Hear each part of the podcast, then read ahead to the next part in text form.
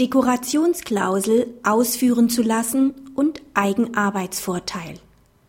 Mit der formularmäßigen Übertragung von Schönheitsreparaturen auf den Mieter kann deren fachgerechte Ausführung vereinbart werden, nicht jedoch die Pflicht zur Beauftragung von Handwerkern. Im Mietvertrag des neuen BGH-Falls ist vereinbart, dass der Mieter Schönheitsreparaturen ausführen zu lassen hat. Bei Mietende zieht er tatenlos aus, woraufhin der Vermieter etwa 7000 Euro Schadensersatz verlangt. Der BGH ist der Ansicht, dass der Anspruch nicht besteht. Die Vereinbarung über die Durchführung der Renovierungen ist unwirksam, weil sie den Mieter unangemessen beeinträchtigt.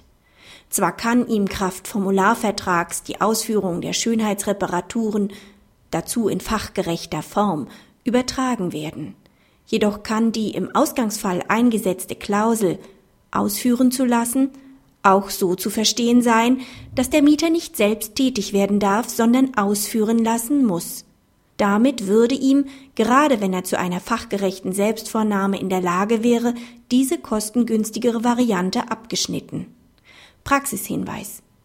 Der Entscheidung, die zu erwarten war, ist beizupflichten. Es ist klar, dass der Vermieter nur ein Interesse an einer fachgerechten Ausführung der Arbeiten haben kann, hingegen ist nicht ersichtlich, warum er auch an einer Ausführung durch ein Fachunternehmen Interesse haben sollte.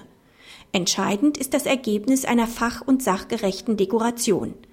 Die Entscheidung zeigt, dass der BGH nach wie vor die Übertragung der nach der gesetzlichen Risikoverteilung dem Vermieter zugewiesenen Renovierungsarbeiten auf den Mieter grundsätzlich für zulässig erachtet.